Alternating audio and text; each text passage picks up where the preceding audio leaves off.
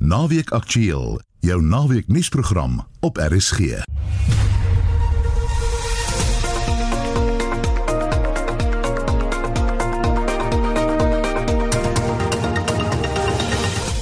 Goeiemôre in vandag se program. Ooggetuies herleef die aanvalle op die FSA vandag 20 jaar gelede. Ek onthou dit tog soos gister hoe toe die eerste gebou in mekaar getuimel het. Dit het letterlik alhoewel dit real-time gebeur het, het my brein dit half amper in slow motion verwerk. Dit het regtig lyk of hierdie gebou net uitermate stadig net uitbult soos 'n mushroom tipe van ding maak en net in mekaar in begin tuimel en dit het net 'n ewigheid gevoel. Ons praat met 'n politieke ontleder oor hoe die gebeure die wêreld verander het. 'n Oortuigende oorwinning vir die Proteas. En dis die bulle teen die haie vanmiddag in die Curriebeeker eindstryd terwyl die bokke môre hulle staal toon teen die Wallabies. Pieter van der Berg is vandag op sy pos. Baie welkom by Naweek Aktueel. Die redakteur vandag is Wessel Pretorius en die produksieregisseur Johan Pieterse.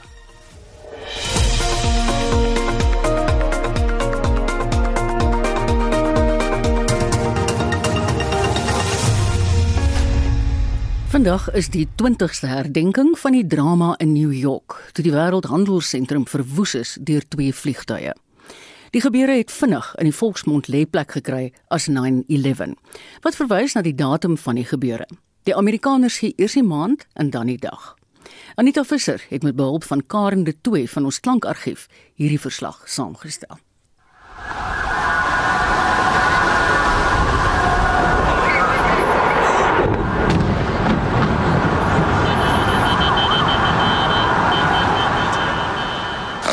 We've had a national tragedy.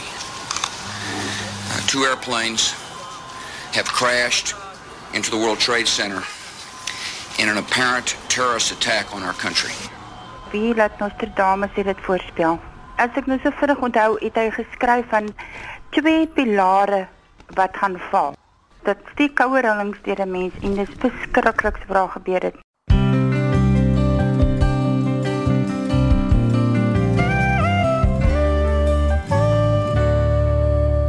Ja, baie welkom by Sê wie op RSG saam met uh, Nikki van der Berg.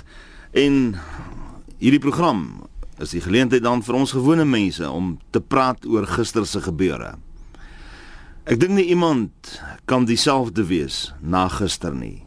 Maak sekerlik nie saak waar mense lojaliteit in die lewe lê nie, maar die gebeure gister het sekerlik die aanskyn van die wêreld in 'n groot mate verander. Nou wonder 'n mens Hoe gaan dinge anderster wees na gister?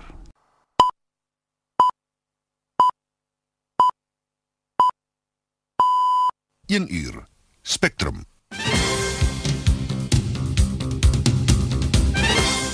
Goeiemôre en baie welkom by Spectrum. Die span vanmiddag is Jean Boysen, Willie Ackerman en Iris Bester.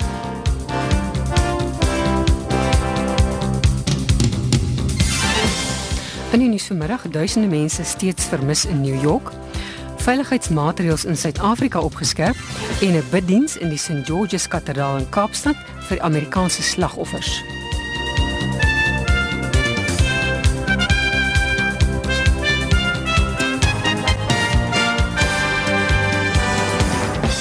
In 'n later in Spectrum ongevalle syfers stroom in na die gruisame terroriste aanvalle in Amerika. Markte reageer skerp op die gebeure in Amerika en terwyl die wêreld nog steeds probeer sin maak van die aanval op Amerika, het die media reeds die verdagte geïdentifiseer. About 5 minutes ago as I was watching the smoke, um, a small plane, I it looked like a propeller plane came in from the west and um, uh, about 20 or 25 stories below the top of the center. It disappeared for a, a second and then exploded. En dit is byna 25 minute oor 4. Televisieberigte uit Amerika lui dat mense uit die brandende toringblok van die Wêreldhandelsentrum in New York spring. Dit is nog nie duidelik hoeveel mense dood is nie. Al twee toringblokke is aan die brand jou lyf bly koue rillings maak. Jy bid en jy berus en goeders, maar jy bly koue rillings kry. Ja, gistermiddag hierdie tyd toe ons in sê wie gepraat het oor wat met die bejaardes doen, waar moet hulle gaan bly en so aan. Toe ons nie kon dink dat binne 'n kwessie van 40 minute sou daar die eerste vliegtuig in die World Trade Center vasgevlieg het nie. Ons het ook pas verneem dat die Withuis inderhaas ontruim is en dat die Pentagon ook aan die brand is, vermoedelik ook nadat 'n vliegtuig daarteen vasgevlieg het. Jy luister na die nuus op RSG gelees deur Anton Prinsloo en in hierdie bulletin New York en Washington is in slagvelde omskep nadat 'n reeks terreuraanvalle teen Amerika voorgekom het. Capitol Hill, waar die Amerikaanse Kongres gesetel is, is ook aan die brand. Maar dan voel 'n mens as Christen mens wat nou? Hoe loop die pad vorentoe?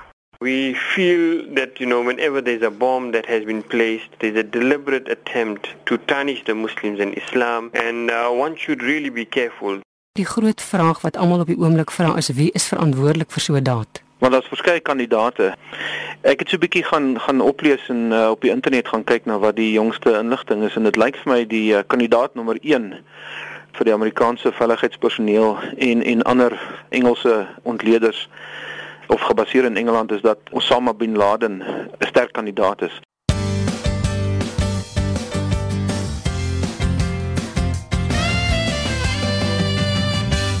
Hartlik welkom by die aanduitsending van Radio Sonder Grense. Ek is Anton Prinsloo en ek kuier graag saam met u en dit is uh, op hierdie dag wat soveel drama oplewer. Die jongste berig wat ons van ons nuuskantoor ontvang het, lees dat die vliegtuig wat aan die Pentagon vasgevlieg het, volgens berigte 'n Boeing makrostraler was. Ons sal deur die loop van die aand vir u op die hoogte hou van verwikkelinge in Amerika waar daar verskeie terroriste aanvalle was. Jammer vir daardie bietjie stilte, maar dit was uh, nuus wat deurgekom het hier in die ateljee. Die radikale islamitiese Hamas-beweging het ontken dat hy enigstens betrokke was by die terroriste aanvalle in New York en Washington en die grens tussen Amerika en Kanada is pas gesluit.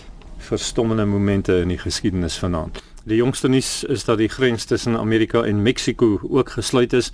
Ons het ook uh, berig ontvang dat die Amerikaanse ruimteagentskap, die National Aeronautics and Space Administration, die Kennedy ruimtestasie gesluit het na die aanvalle vandag in Amerika.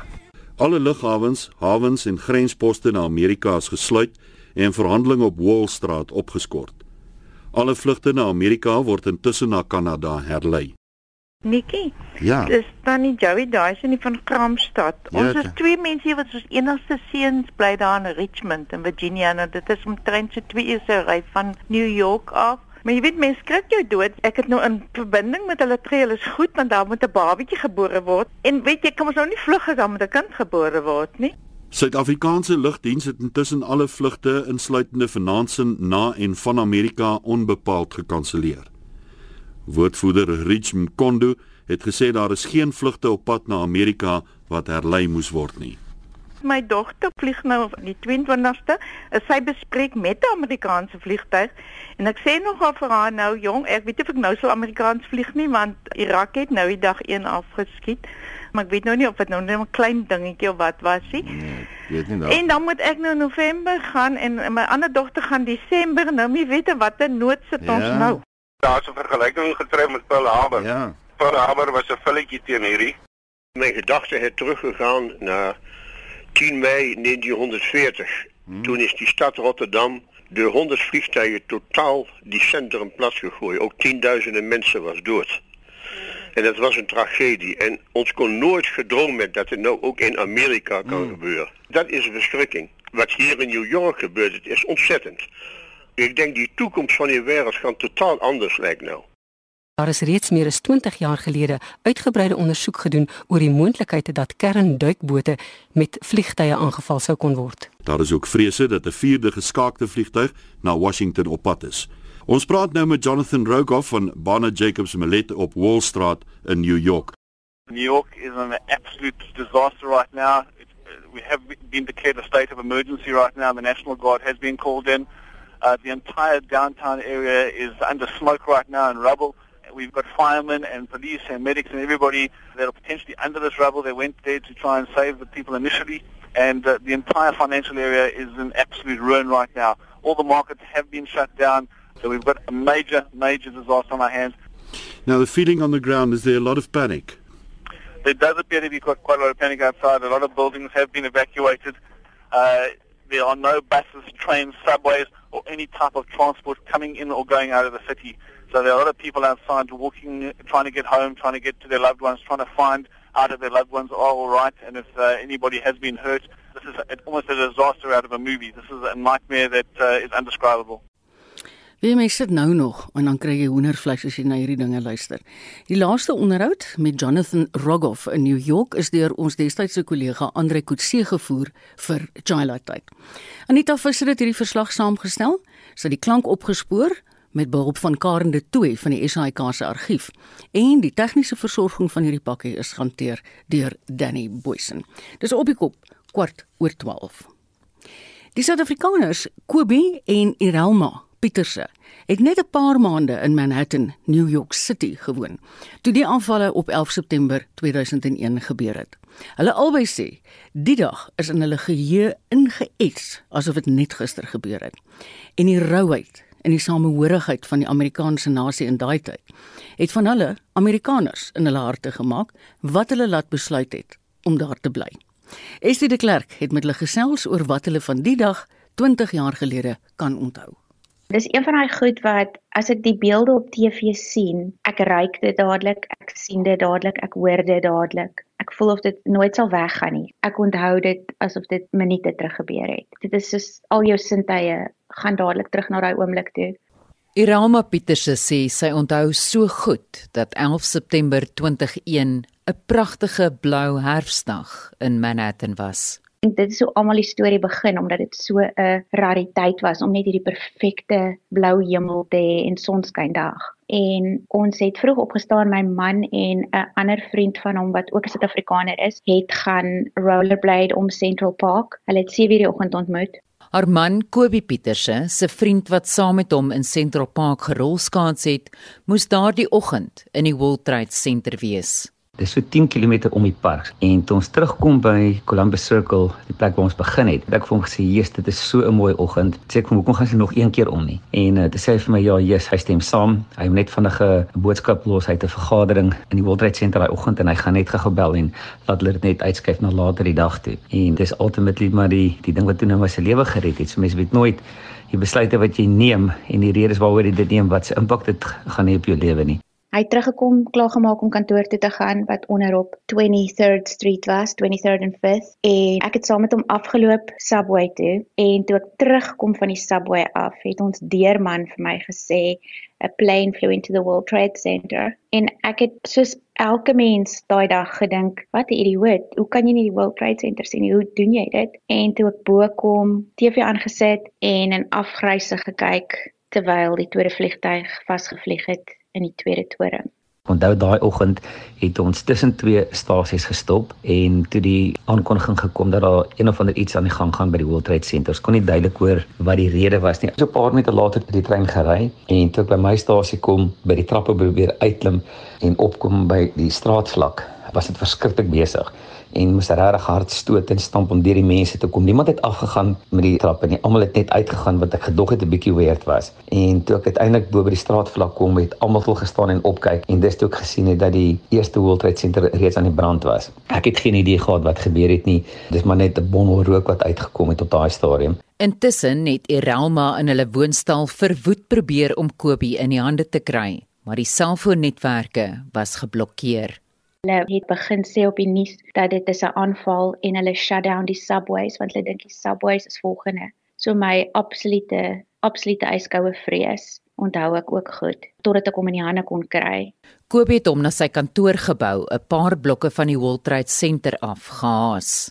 Ons kantoor was op die 18de verdieping gewees en ek onthou ons het 'n heeltemal 'n abstrakte view gehad van die World Trade Center. Terwyl ek toe nou in die huisbalkop was boontoe, het daai vliegtyg getref. Toe ek dit nou gemis. Toe ek nou bo kom, toe sien ek al twee geboue aan die brand en tussen op TV-skerms ook wat ek kan sien wat gebeur het.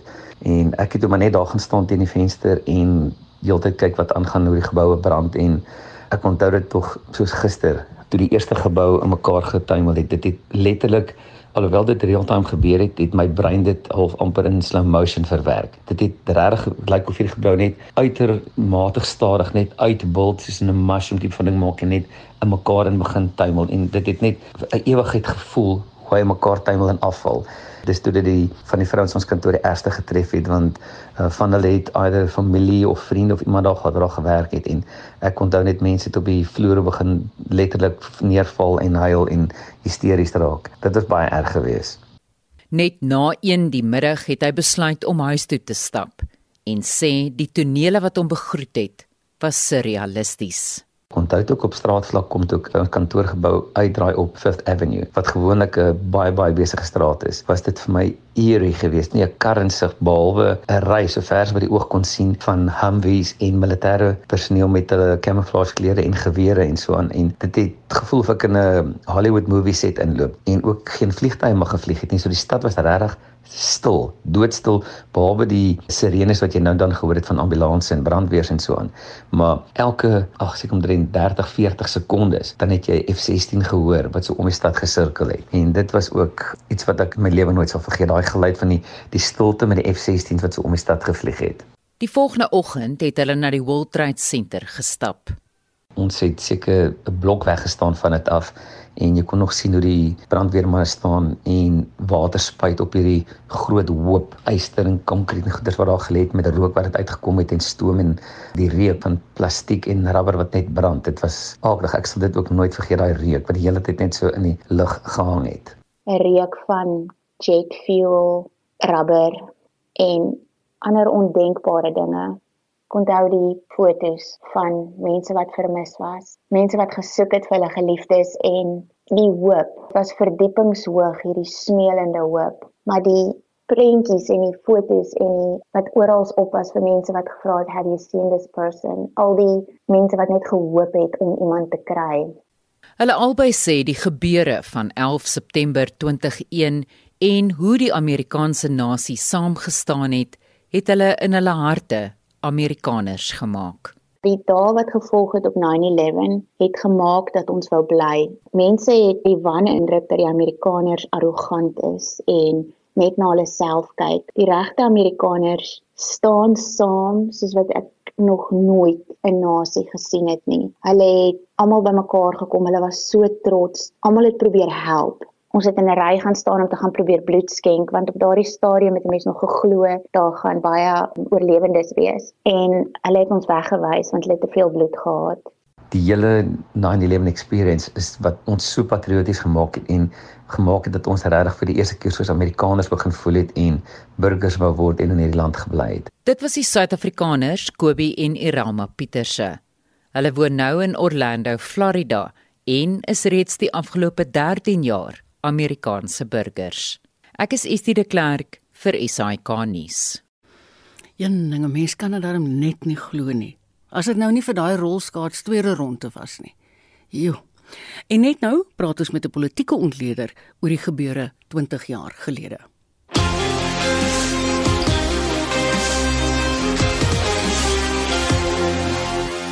Nou ja, as ons die sport ken, wat is die hoor, dan weet ons, daar's 'n klomp sportbyeenkomste wat wyd en suid plaasvind en Pieter van der Berg het sy vinger op die pols. Hallo Pieter. Goeiemôre, sê Marita. Luister later vandag gaan ons nou weet waar die Karibeker sy staanplek vir die volgende jaar gaan hê. In môre is die groen en goud van die bokke, kan jy glo, weer in aksie.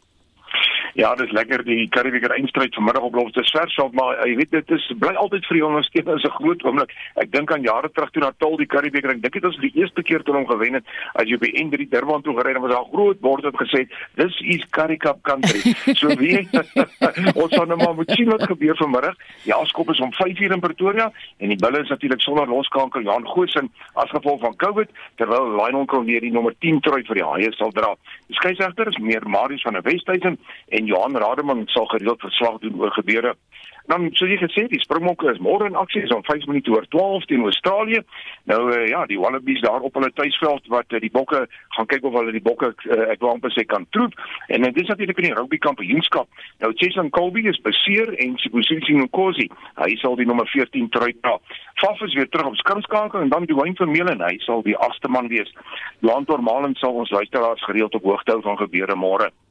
En gepraat van RSG se luisteraars Marita, hulle moet onthou van ons rugby raai natuurlik vir hierdie Ja. wedstryd. Dis die SMS kompetisie waar R10000 gewen kan word en al wat hulle moet doen is om die twee spanne se tellings reg te voorspel deur middel van 'n SMS, maar hulle kan gerus op die web- webwerf loer vir al die inligting.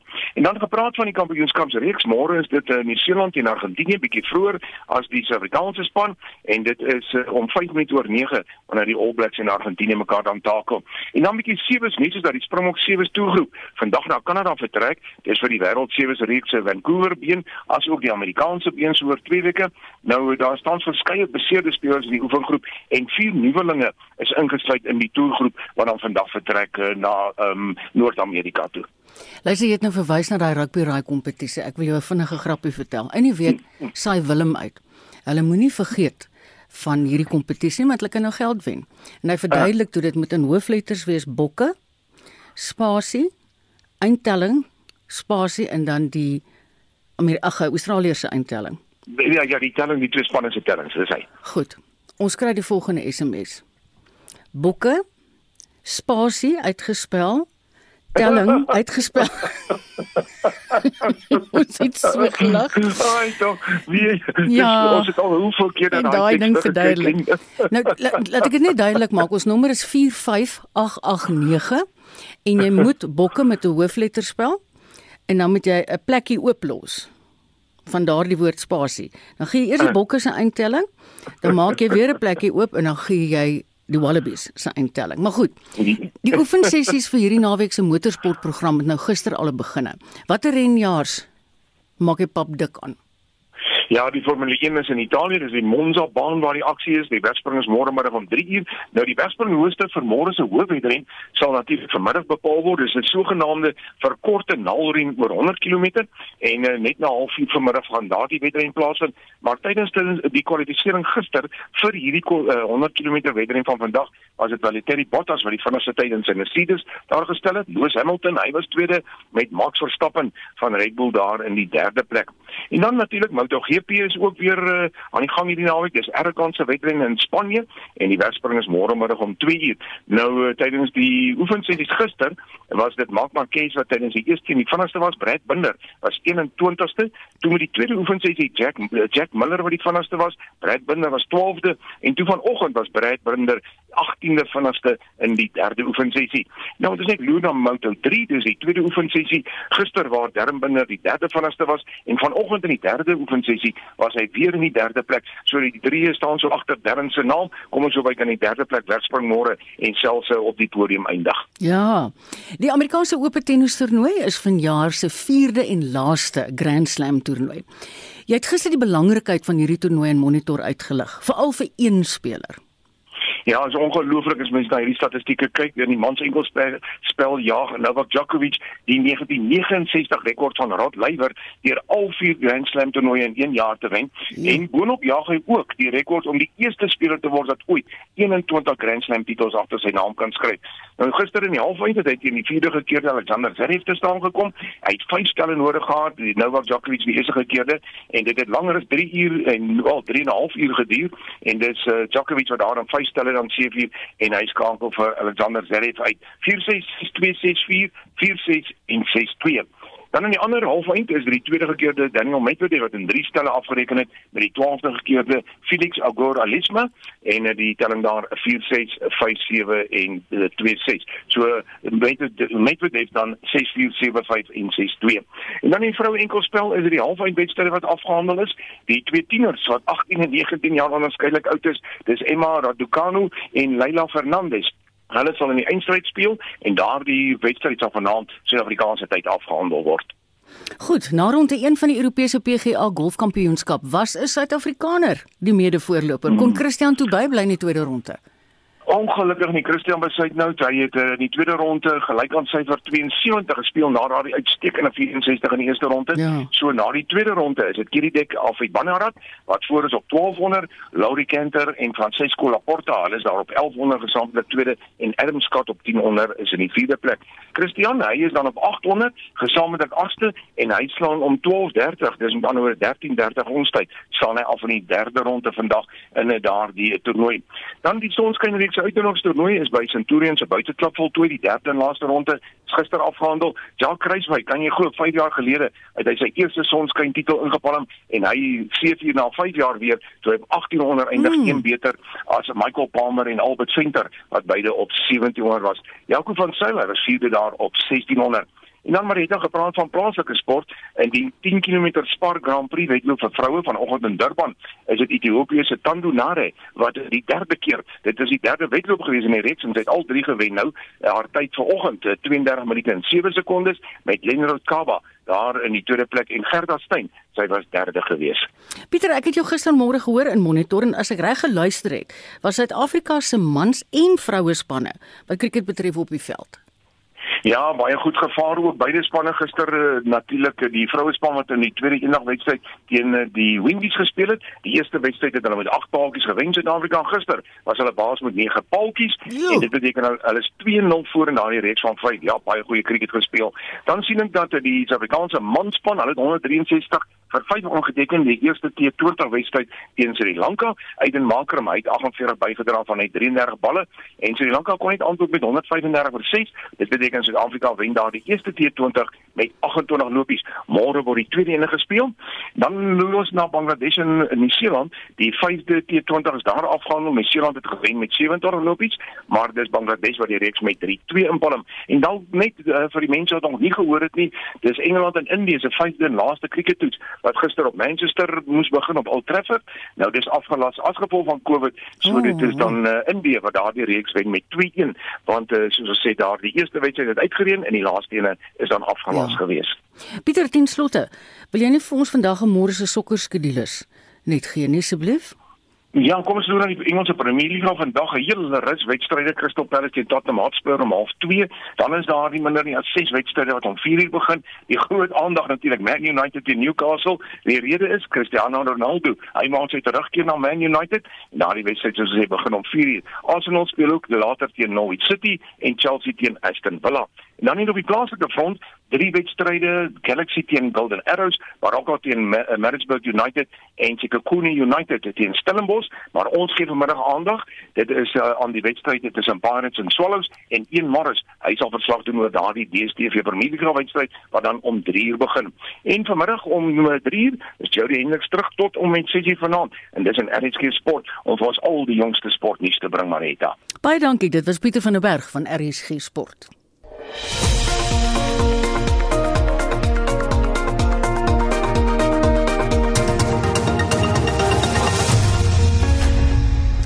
Ons keer terug na ons hoofstorie vandag, die 9/11 aanvalle op die FSA waarin byna 3000 mense dood is, meestal Amerikaners, en meer as 6000 mense beseer is.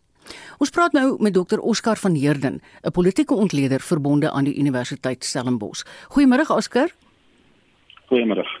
Goeiemôre aan die luisteraars. Wat het aanleiding gegee tot hierdie aanvalle? Oscar vir die ouens wat nou nie kan onthou nie.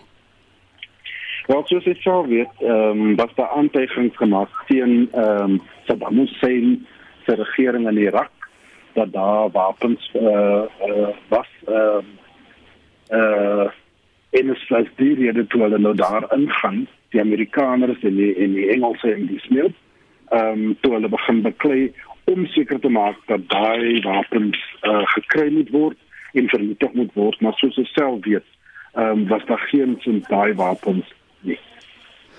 Ons kan dink dat baie mense in die streek kwaad gemaak. O, goed, goed. Ehm um, as ek reg is ek sê Amerika is nie daaraan gewoond om op hulle eie grondgebied aangeval te word nie.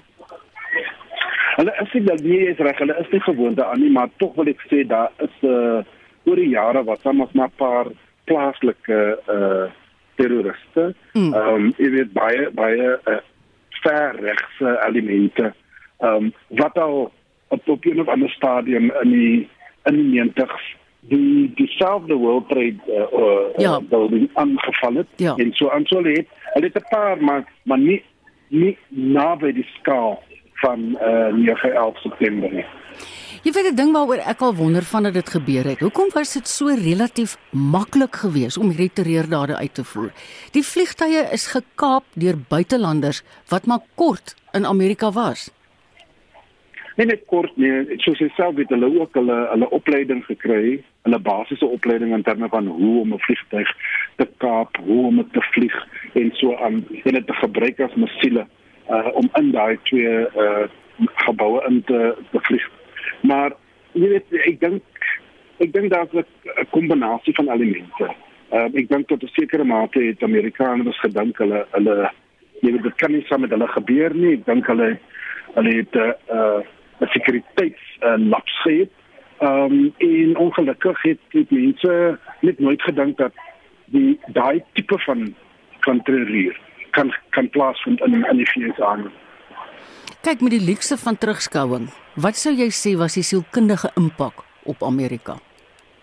Ja, ek dink dit was baie baie groot, maar dit baie baie groot. Ehm um, ek dink dat baie baie Amerikaners het, het groot vrae gevra. Uh, hoekom haat die wêreld vir ons? Wat het ons aan hulle gedoen? Ehm um, dit was seker dinge wat ons verskillend moet doen. Ehm um, en soos ons self weet, hulle het net daai daai element van wraak. In die Amerikaners dat gegee word die feit dat dat die terroriste nou dit aan ons gedoen het. Soos jy self weet, wat gevolg het is 'n 20 jaar oorlog in Afghanistan. Ja. Ehm um, en en selfs dit het ons nou gesien in die laaste paar dae. Uh, toe Biden president Biden nou finaal besluit om die laaste soldate uit te trek, uh, dat dit dat hulle daai oorlog ook verloor het. Ja, dit is so. Hoe het hierdie aanvalle destyds die geopolitiese dinamika van die wêreld verander? Kyk, ek dink dit was seker die een groot ding wat laas so impak op die hele wêreld gehad het en nou is dit COVID. Ja, ja, kyk, ek dink die die die ekonomie van verskillende lande in Europa en die Verre Ooste en Afrika en dis meer het almal die die nagevolge gevoel van daai uh insident. Ehm um, jy weet mense het met 'n totale geheel en alle verskillende sekuriteits ehm um, soort van industrie gesien wat wat opgekom het. Skielik moet ons nou al ons selfone afskakel. Ehm um, daar's daar's ons uh, daar's 'n rekenaar wat nou uitgehaal word by lughawens. Alles dit was as 'n gevolg van 9/11 uh, in in die FSA. En natuurlik hulle die die Amerikaners self het 'n uh, agentskap gestig wat wat genaamd is Home uh uh um wat die wat die naam nou um Toe maar sien dan jy het terugkom. My kop uit. Ehm maar maar 'n uh, hele stel wetgewing wat hulle ook ingebring het om seker te maak dat sekere mense kon nie Amerika toe kom nie uh, en so en so voort. Homeland Security is wat ek aan dink. Okay. 'n uh, nuwe agentskap en dis meer wat natuurlik met kom ander reëls kom en ek dink dit het 'n groot impak soos jy sê, dit het 'n groot impak gehad op die wêreld. Op die wêreld ja. Ek weet nou of jy net nog geluister het net toe ons 'n onderhoud gedoen het met die Pietersers wat daai dag in in Manhattan was. En ehm um, hulle sê daar was so ongelooflike gevoel van ondersteuning en samehorigheid nadat dit gebeur het in so 'n mate dat hulle was nie toe dit gebeur het seker of hulle in Amerika gaan bly nie, maar hulle het baie patrioties gevoel nadat hulle saam met medeburgers deur hierdie ding is en hulle toe inderdaad gebly in Amerika. Ja, ja, kyk ek ek self ek en my vrou was uh 3 weke voor dit in die FSA op al daai ons was in daai uh, Twin Towers geboue. Mm ehm um, ons het besoek afgelewer aan die Pentagon. So vir ons was dit net skrikwekkend dat dit eintlik gebeur het. Ehm um, en en en 'n nog 'n vriend van ons, hulle was ook, hulle was die dag toe dit gebeur was hulle in in New York. So ek oh. dink dit was net ja. dit was ongelooflik mm. om te sien dat dit wat gebeur het in die VSA. En en soos jy self weet, ek en ek stem saam met dit. Jy weet al die tyd as ons daai tipe van groot terreur uh, uh aktiwiteite sien in Amerika dan dan dan dan kom die Amerikaners by mekaar. Ja. En hulle staan saam en hulle help en, en hulle raak baie patrioties en ek dink dis 'n goeie goeie ding. En dan vergeet hulle demokraat of republikein.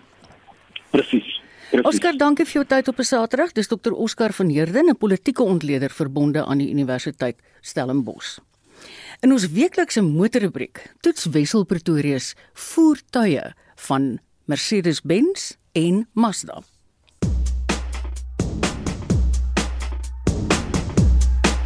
Mercedes-Benz se nuwe tweede generasie GLA het 'n stewiger en forser voorkoms. Dis die 3-puntster se kleinste kruisvoertuig teen net langer as 4,4 meter.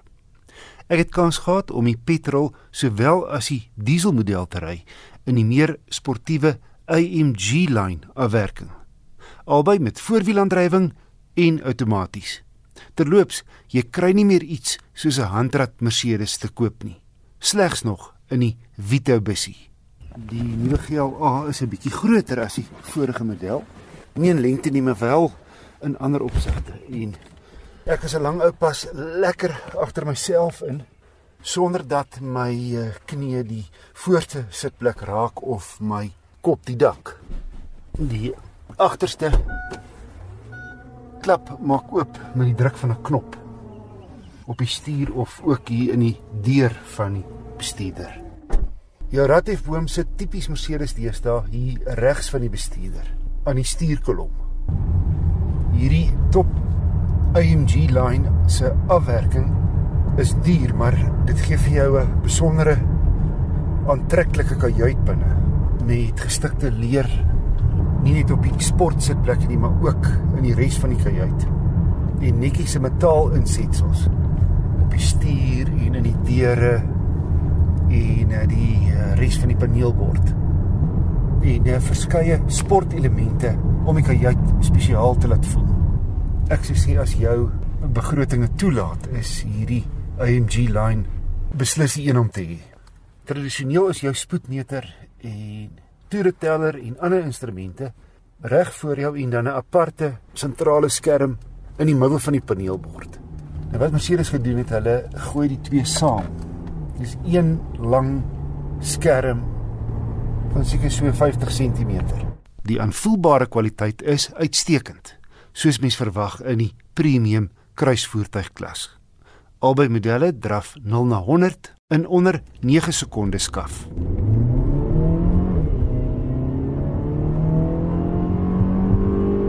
Die GLA 200 kom met 'n 1.3 petrol turbo wat 120 kW en 250 Nm uitskop.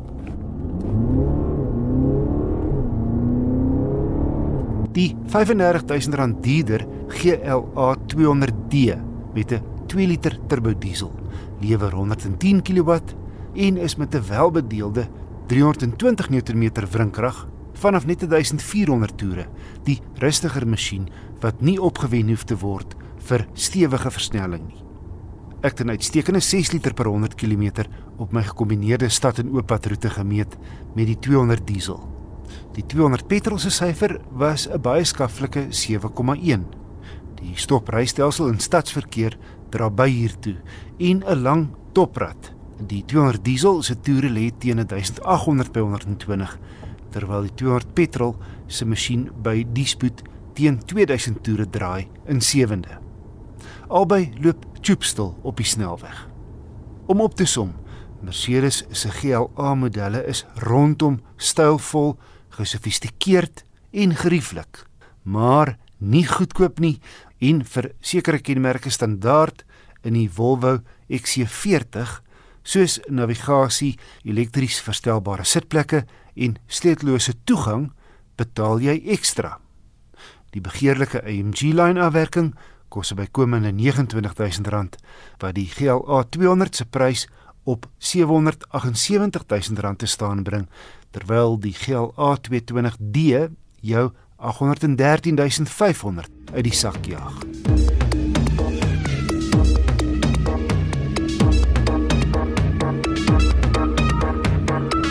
Mazda se CX-3 is 'n ou bekende op ons paaie. Hy's al sedert 2015 op die mark. Maar steeds 'n aantreklike kruisvoertuig in die kompakte klas, danksy mooi lyne en 'n opkikkering verlede jaar wat insluit 'n nuwe sierrooster, LED ligte voor en agter en nuwe 18-duim alloy wiele op die dierder modelle. Ek het die Hikari outomaties stopmodel getoets wat die Individual Plus model vervang. Die aanvoelbare kwaliteit is uitstekend en die Hikari model kom met 'n baie lang lys Lexus geïntegreerde navigasie op die sentrale skerm. Hy het 'n heerlike Bose klankstelsel met sewe luidsprekers.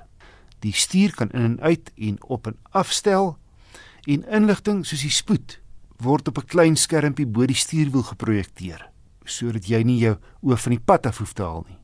Verder outomatiese lig en reënveers, sleutellose toegang en togbeheer. Ook 'n sondak is standaard. Hy het sensors voor en agter, asook 'n tribeeld op die sentrale skerm.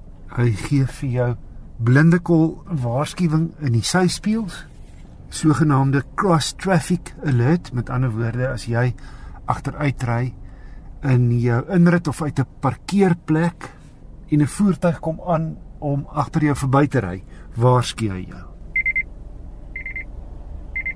Ook laan verlaat waarskuwing en hy waarsku jou as jy jou self te pletter gaan ry teen 'n voorwerp soos 'n ander kar. Ook mooi gestikte leersitplekke en ook leer op ander plekke in die kajuit om hierdie model te onderskei van sy mindere broers. Die ronde knop links van die bestuurder se bobeen waarmee jy die sentrale skerm beheer, werk baie goed.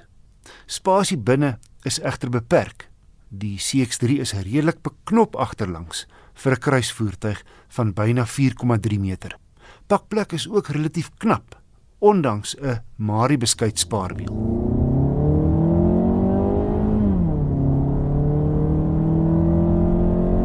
Sy 115 kW 2 liter het genoeg woema. Kaarttydskrif het 0 na 100 in 'n 9,3 sekondes afgelê. Die masjien raak egter luidrigtig wanneer jy vet gee. Teen 120 lê die toere wel teen 'n rustige 2560. Verwag 'n gemiddelde verbruik van hier rondom 7 liter per 100 km. Die CX3 se grondvryhoogte is slegs 16 cm, niks meer as sommige doodgewone luikere nie waar die CX3 wel uitblink, is buitengewone goeie hantering. Trouwens, die beste in sy klas met 'n lekker direkte stuuraksie wat net genoeg terugvoer gee. My gevolgtrekking, Mazda se CX3 is dalk net te klein vir gesinne. Ander kruisvoertuie in die klas is meer prakties. Maar die Mazda bied meer sportiewe hantering. Die reeks begin by R352 000. Hierdie Hikari topmodel is 'n hele indieder teen R476700, maar is baie omvattend toegerus in terme van luksushede en veiligheidsskienmerke.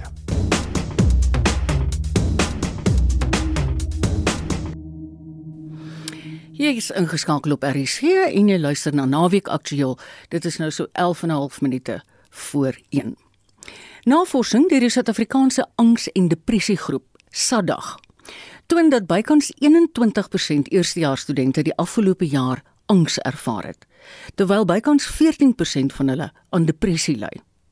Maar daar's ook gevind dat sowat 31% van die studente in dieselfde periode selfdood oorweeg het.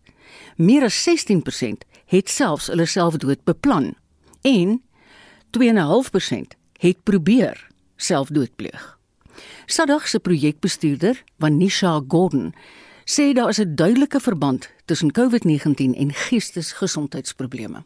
Pre-COVID, they would have to adapt to making new friends, deciding what they're going to study, making sure that this is something that they want to study and they want to pursue.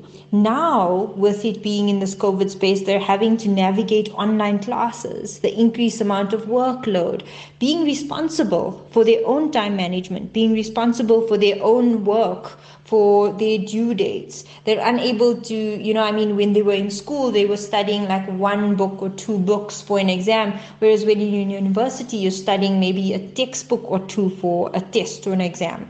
And that increased amount of workload can become very overwhelming. And I think it's very vital to remember that within this COVID space, it's even more stressful because the uncertainty around going to classes, the uncertainty around having the resources to complete your work, whether it be a laptop, whether it be a computer, whether it be having a stable internet connection. So it's all of these different factors that also impact a student that is in first year.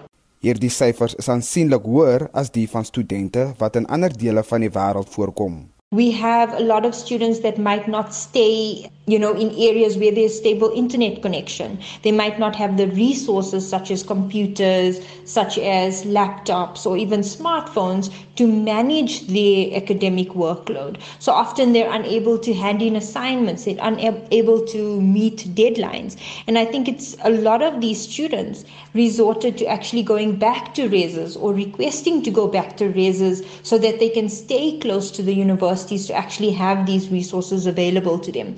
There's definitely a big difference with the university students from overseas versus in South Africa. Resources is a vital vital problem and it's very important to note these things also very important is actually to note that the workload, the impact of family members, the grief that students are going through with regards to losing family members or losing loved ones, that also impacts their mental health and it impacts the way they continue their daily routine. As gevolg van die verband tussen geestesgesondheidsprobleme soos depressie en angs en selfmoordgedagtes, is dit belangrik om geestesgesondheid van studente te bevorder as deel van universiteite se programme vir voorkoming en geestesprobleme. So there definitely would be a link between COVID and depression amongst individuals in general, but specifically for university students. And as I mentioned, the different factors that impact their lives is that increased workload, having to navigate doing online classes, having to deal with limited resources, having to deal with chores that they have to do at home if they're living with their parents. And it's important to know that with regards to the uncertainty around COVID, the one thing that we can be certain of is the uncertainty, the changes in way we're doing things, having to adapt to the new way of doing things, you know, not feeling like you will go back to the old way of doing things can cause a lot of stress. Time management becomes a huge problem because then unable to say, okay, this is my work time, this is my sleep time, this is my relaxing time. Minder as 'n derde van studente wat sielkundige ondersteuning nodig het, ontvang die nodige sorg. So if you're actually feeling down, you're feeling depressed, you're not feeling well and you can feel that you're not feeling well. You're feeling overwhelmed and you're not able to manage your daily routine like how you used to. Please reach out to the helpline, speak to a counselor and get the help that you might need. Dit was die projekbestuurder van die Suid-Afrikaanse Angs- en Depressiegroep van Nisha Gordon. Ek is Vincent Mufokeng vir SAK nuus. Die vakbond vir tersiêre instellings, SAPTO, eis dat hulle ingesluit word by die beleidsgesprekke oor verpligte COVID-19 inentings vir universiteitspersoneel en studente. Volgens die vakbond het die universiteite van Johannesburg en Stellenbosch reeds bevestig dat hulle verpligte inentings oorweeg. Die hoofsekretaris van SAPTO, advokaat Ben van der Walt, sê die vakbond verstaan dat tersiêre instellings net soos ander werkplekke die pandemie wil bestuur. Van die instellings waar ons betrokke is, dit sluit net universiteite en ander, het na ons persverklaring al met ons 'n aanraking gekom en ons ook met hulle om te sê kan ons dalk as ons 'n beleid moet formuleer vir verpligte vaksinering hoe gaan die beleid uiteengesit word. En baie van die werkers of self by ons inrigtinge so waar ook al, das ek vrees dat as ek nou nie instem, dan kan ek dalk my werk verloor of hulle gaan my skuif na 'n ander posisie of ek word dalk aangesê om net van die huis af te werk. Ons doelwit is om werksekerheid te beskerm. Ons wil nie hê dat ons lede moet hulle werk verloor of dan moet ander metodes aangewend word om hulle nou dalk te dwing om dit te aanvaar. Nie. Ons wil dus 'n beleid hê waar almal saamstem en ons kan dat ons dan kan verder met die pad loop. Ons is ook uh, daarvoor dat ek meen mense moet kyk na die gesondheidssituasie in jou werksplek. Ons is nie daar teen nie, ons sê dit ook in ons pers verklaar. Ons mens moet na al die moontlikhede kyk en dan daai beleid formuleer wat ons kan vorentoe neem sonder om byvoorbeeld na die ekstreme toe te gaan. Ek noem jou net 'n voorbeeld. Hier's baie van die van ons lede wat sê sal julle na die konstitusionele hof toe gaan as ons weier om die verpligte vaksinering te aanvaar. Dit is 'n voorbeeld van hoe mense voel daaroor. Maar ons sê nee, dis nie nodig nie. Kom ons praat met mekaar, kyk of ons 'n oplossing kan vind om die verskille wat daar bestaan en soms werklike sensitiewe verskille dit aan te spreek te sien hoe ons kan vorentoe gaan. Want dit gaan dan die werkgewers se voordeel wees, dit gaan aan ons ons lede se voordeel wees, dit gaan aan alle werknemers se voordeel wees. En wat wil julle hieruit bereik ben? om 'n gebalanseerde beleid te kry dat ons die werknemers, ons lede wat werknemers is, het sy akademiese personeel, het sy ondersteunende personeel, laat ons kan 'n beleid kry wat waarby almal kan instem. Selfs die wat bitterraad teen gekant is, dat ons kan 'n oplossing kry om vorentoe te vat. En dit was advokaat Ben van der Walt, die hoofsekretaris van die vakbond SAPTO. Hy het met Vincent Mofokeng gepraat. Die Suid-Afrikaanse Marine Biologiese Navorsingsvereniging of SABR sê hy kry al meer siek groen seeskilpaaie wat op KwaZulu-Natal se strande uitspoel. 'n Afdeling van Samber by Ushaka SeaWorld in Durban het die afgelope week 'n siek groen seeskilpad gekry van Mtunzini af. Verskeie mense op sosiale media wou weet of die skilpad siek is weens die storting van chemiese middels in die see na die brand by UPL in Cornubia tydens die onluste in Julie. Die veearts van Ushaka, François Lampen, sê dit wil voorkom of die skilpad siek geword het nog voor die middels in die see beland het. Lampen sê hulle vermoed dat die meeste van die seeskilpaaie wat hulle behandel, siek is weens blootstelling aan chemiese middels afkomstig van die landbousektor wat dan in die water beland dit gaan nog 'n bietjie moeilik. Sy eet wel en sy beweeg rond, maar haar bloedresultate was 'n bietjie bekommerend geweest. So ek is ek is nog nie 100% seker dat sy dit sal maak nie. Hulle hulle kry ook baie parasiete wat probleme veroorsaak, veral as hulle eers so swak raak en begin na parasiete 'n groot rol speel. So ek sou nog nie sê 100% dat sy dit self gemaak nie, maar ons het met die laaste paar wat ons hier gehad het, het ons beter sukses gehad. So ek sou sê haar kans is nog redelik goed, ja. sien julle al meer van hierdie skilpaaie wat uitspoel op die strande? In die laaste 12 maande sou ek sê het ons sekerlik 'n paar baie meer van hulle gesien en dit is almal so 12 tot 15 kg groot.